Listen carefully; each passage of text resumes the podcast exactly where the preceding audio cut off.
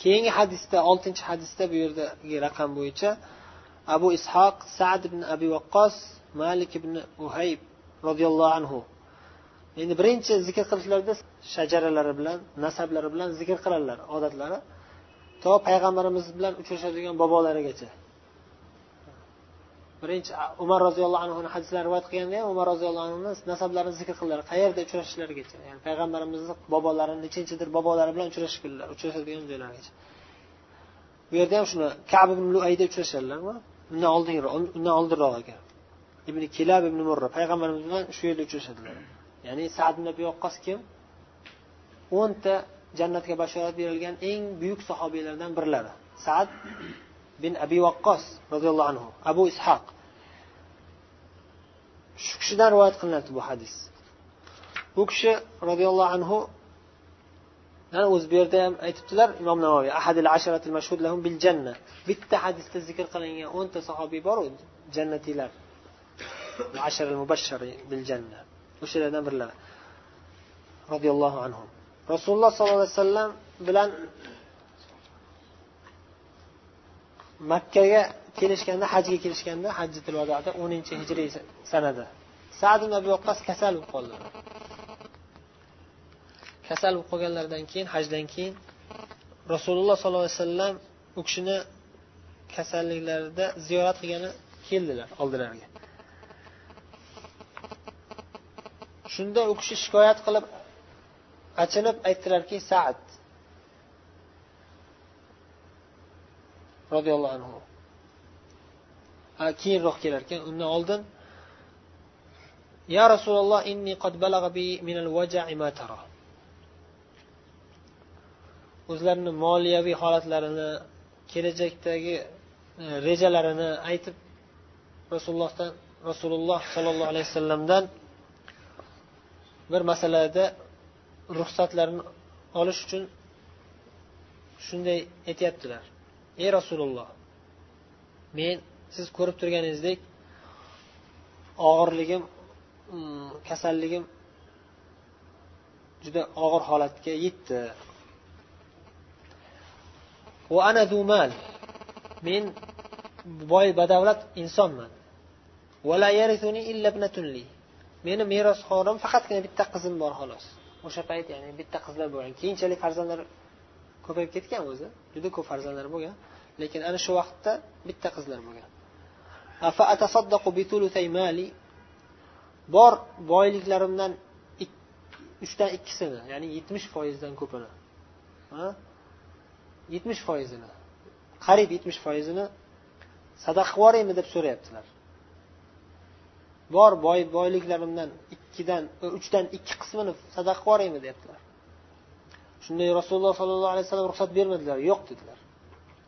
Ha bu buncha ko'p miqdordagi molingni sadaqa qilib boshqa begona odamlarga sadaqa qilib yubormagin dedilar. Vaholanki ular ham musulmon birodarlaring bo'lsa ham. Buncha hamma molingni deyarli berib yubormagin dedilar. Shunda saad roziyallohu anhu aytdilarki fashshotir ya rasululloh bo'lmasam yarmini beray dedilar ellik foizini ya'ni. Yarmini sadaqa qilib yuboray ey rasululloh dedilar. Bitta qizimga shuncha mol bo'lish nima zarur degan ma'noda. Shunda yana rasululloh sallallohu alayhi vasallam yo'q ruxsat bermadilar. Bo'lmasam uchdan birini sadaqa qiling dedilar. O'ttiz uch foizini ya'ni.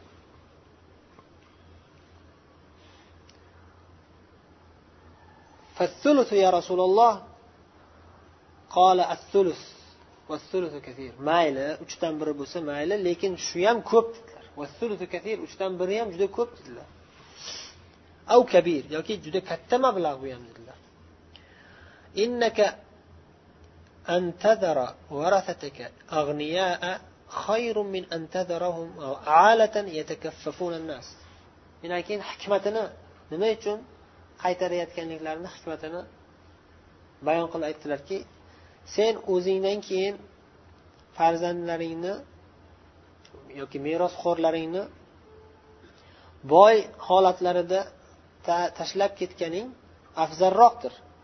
Ularni kambag'al holatda odamlardan odamlarga qo'llarini cho'zib odamlardan xayr ehson talab qiladigan holatga tushirib ketganingdan ko'ra ularni boy holatlarda boy badavlat holatlarda tashlab ketganing afzaldir dedilar.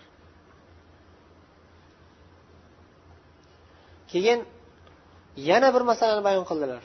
Ya'ni birinchi nuqtada nima? Birinchi nuqtada farzandlarini imkon bo'lsa boy badavlat tashlab ketish kerak. Imkoniyati bo'lsa boy holatda tashlab ketish kerakki o'zidan keyin birovlardan sadaqa so'rab yurmasin. Zor holatda tashlab ketmasin. Birovlardan narsa so'rash eng yomon narsalardan boya aytganimizdek.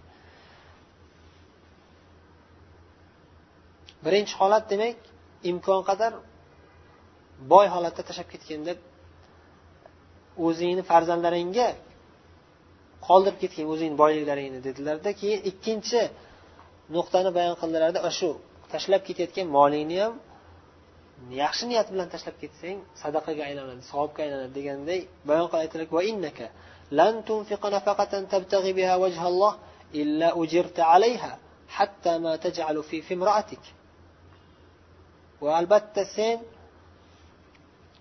modomiki nafaqa ya'ni mol boylik berayotgan ekansan ollohning yuzini iroda qilib ya'ni xolis olloh uchun nafaqa tashlab ketayotgan ekansan yoki berayotgan ekansan illa ujirta modomiki shunday ekan senga ajr bo'ladi savob bo'ladi. Hatto o'zingni ayolingni og'ziga qo'yib qo'yadigan sadaqang ham nafaqang ham ajr savoblikka aylanadi dedilar. Savobli bo'ladi.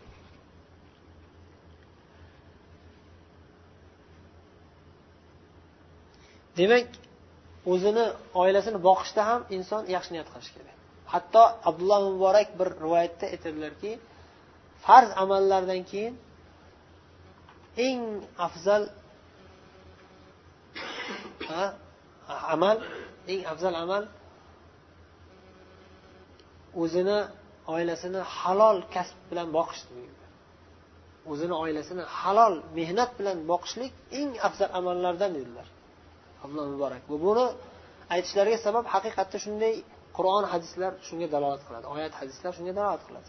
Halol pokiza mehnat bilan topilgan halol mablag'ni o'zingizni oilangizga halol yo'l bilan berib halol holatda ularni boy qilib ketishingiz eng ulug' amallardan. va ana shu narsaga niyat qilsangiz yaxshi niyat qilsangiz o'shanga ham ajr olasiz savob bo'ladi inshaalloh buyuk savob bo'ladi undan keyin achinib bir holatdan achinib rasulullohga shikoyat qilib aytdilarki sad roziyallohu anhu qultu ya rasululloh قال فقلت يا رسول الله أخلف بعد أصحابي men makkada qolib ketamanmi? Ashoblarim hijrat qilib madinaga hammalari hijrat qilib ketishgan va madinalik bo'lib ketishyapti. Men makkada kasal bo'lib qolib ketyapman. Shunday bo'lib hijratimdan ayrilamanmi degan ma'noda so'radilar. Man hijrat qilganim qayerga qoladi endi. Madinaga sizni oldingizga hijrat qilgandim. Makkada endi kasal bo'lib qolib ketyapman. Hamma sahobalar ashoblarim ya'ni do'stlarim debdi. Sahobiylar ashoblarim do'stlarim men bilan birga hijrat qilgan muhojir birodarlarim siz bilan birga yana madinaga qaytib ketishyapti. Hijratlari qanday bo'lgan bo'lsa o'shanday qolyapti. Mani hijratim nima bo'ladi endi? deb achinib hijratlari bekorga chiqib ketishidan qo'rqib achinib shunday so'radilar. Rasululloh sollallohu alayhi vasallam boshqa masalani keyin bayon qildilar kishini ko'ngillarini ko'tarib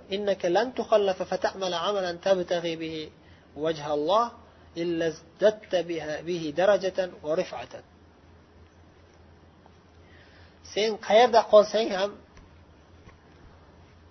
va o'sha qolgandan keyin albatta ollohni iroda qilib amal qilsang shak shubhasiz sen daraja balang darajang yana ziyodalashib baland darajaga ko'tarilaverasan degan ma'noda ko'ngillarni ko'tardilar. Ya'ni niyating yaxshi bo'lsa xolis olloh uchun amal qilayotgan bo'lsang seni darajang oshib boraveradi qo'rqmagin dedilar va shoyatki sen orqada qolasan ya'ni bizdan keyin qolasan debdilar bu yerda makkada qolasan degan ma'noda emas. Endi bu yerda endi saat man makkada qolib ketamanmi hijratim bo'ladi desalar yo'q sen makkada qolib ketishing emas sen umring uzoq bo'lishini umid qilaman makkada qolib ketish qolib shu yerda o'laman shu yerda qolib kasal bo'lib qolib ketaman deb o'ylamang san san hali uzoq umr ko'rishingni orzu qilaman. Degan ma'noda aytdilarki shoyat sen bizdan keyin qolib ketasan. Biz jannatga ketsak ham inshaalloh oxiratga yo'l olsak ham lekin bizdan keyin sen qolsang uzoqroq muddat yashasang deb orzu qilaman. Toki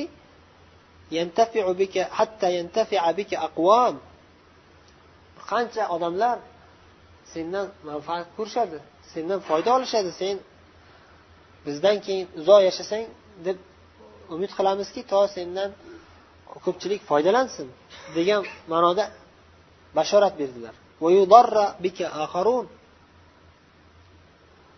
Boshqa odamlar bo'lsa ya'ni kofirlar munofiqlar sendan zarar ko'radi. Ularga sen qarshi jihod qilasan. Ularga zarar keltirib musulmonlarga foyda keltirasan. Shunday bo'ladi deb umid qilamiz orzu qilamiz deb bashorat berdilar. Va haqiqatda shunday bo'lgan. Sad ibn vaqqos roziyallohu anhu ancha muddat umr ko'rganlar.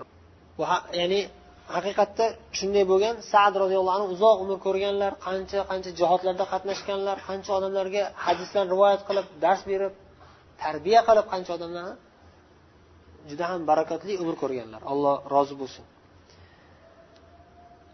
Adashmasam muoviya e, roziyallohu anhuni xalifaliklarida vafot qilganlar davrlarida muoviya roziyallohu anhu xalifa bo'lgan davrlarda. Muoviya qachon xalifa bo'lganlar? qirqinchi hijriy yildan oltmishinchi hijriy yilgacha ya'ni yigirma yil xalifa bo'lganlar. Ya'ni bu holat qachon bo'lyapti? o'ninchi hijriy yilda bo'lyapti. Ya'ni hech bo'lmadi deganda undan keyin o'ttiz yil yashaganlar. Hech bo'lmadi deganda o'ttiz yil yashaganlar. Hozir aniq e, sanalar esimdan chiqib turibdi lekin kamida o'ttiz yil yashaganlar undan ham ko'p yashaganlar alloh alam. Keyin rasululloh sollallohu alayhi vasallam duo qildilarki allohimma amdi li ashabi hijratahu ey ollohim ey parvardigor mening ashoblarimga hijratlarini davomiy qilgin ya'ni qabul qilgin degan ma'noda. Hijratlarini qabul qilgan bo'lgin. Hijrat qilgan hijratlari bekorga chiqib ketmasin deb duo qildilar. Orqalariga qaytarib yubormagin ya'ni iymonlari susayib ketmasin. Iymonlari zaiflashib orqaga qaytib ketib qolmasinlar. Oliy darajaga ko'tarilib keyin qaytib tushib qolmasinlar degan ma'noda duo qildilar. Lekin bechora sad ibn havlani holiga achinamiz. Rasululloh makkada o'lganliklari uchun rasululloh sallallohu alayhi vasallam unga ya'ni achinib gapiryaptilar shu. Shu yaxshi bo'lmagan shu makkaga qaytib ketib qolgani degan ma'noda. Bu bu hadisda ham sharh juda uzun juda ko'p foydalar bor. Lekin biza vaqtimiz ham tugab qoldi.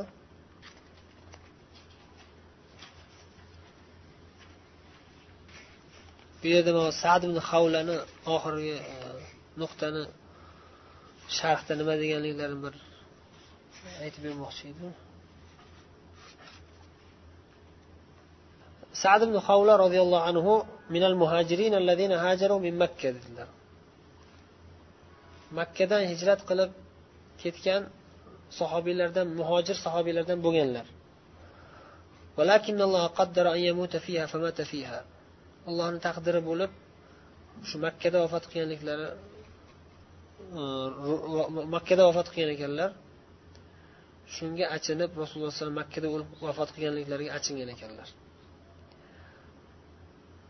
Chunki ular muhojir odam qaysidir shahardan hijrat qilib chiqib ketgan bo'lsa o'sha shaharga bir ish bilan qaytib kelganda qaytib kelsa ham tezroq chiqib ketishini uch kundan ortiq turmasligini buyurilgan ularga va u yerda o'lib qolsa shunga o'lib qolishidan qo'rqishardi. Deb shuni shunday aytibdilar. Boshqa qissa keltirilmabdi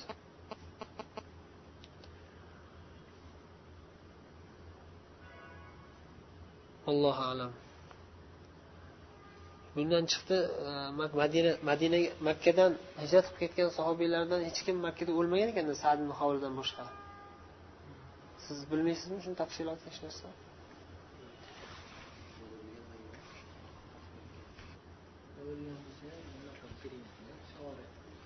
Shuning bu kishi nimadan keyin hijratdan keyin makkaga boshqa bir sababdan qaytib ketgan shuni